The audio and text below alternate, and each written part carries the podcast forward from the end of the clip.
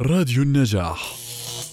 تشكل مياه الأنهار والبحيرات والبرك والمياه الجوفية والجداول المائية مصادر المياه العذبة وتقدر نسبتها من المياه على الأرض بنسبة 3% فقط. للبرازيل نصيب الأسد من المياه العذبة وذلك بسبب نهر الأمازون تليها روسيا ثم الولايات المتحدة. يحتفل العالم في الثاني والعشرين من آذار من كل عام باليوم العالمي للمياه العذبة. ويهدف هذا اليوم لإذكاء الوعي بتعذر حصول ما يزيد عن ملياري فرد على المياه الصالحة للشرب. كما تتعلق هذه المناسبة باتخاذ الإجراءات لمعالجة أزمة المياه العالمية وهذا ما يصب في أهداف الأمم المتحدة للتنمية المستدامة.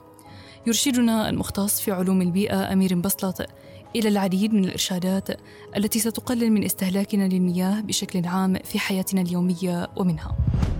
استخدام جميع الأدوات المنزلية التي تقلل من تدفق المياه عدم ترك فضلات الصحون على الطعام لفترة طويلة حيث ستحتاج لكميات مياه أكبر اجتناب غسيل السيارات قبل الأيام الماطرة تقليل كمية الصابون عند تنظيف الأطباق غسل الفواكه والخضروات بالأحواض بدلاً من المياه الجارية من الصنبور.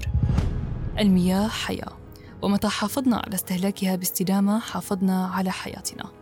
وأنتم مستمعون، ماذا تفعلون لتقليل استهلاك المياه في بيوتكم؟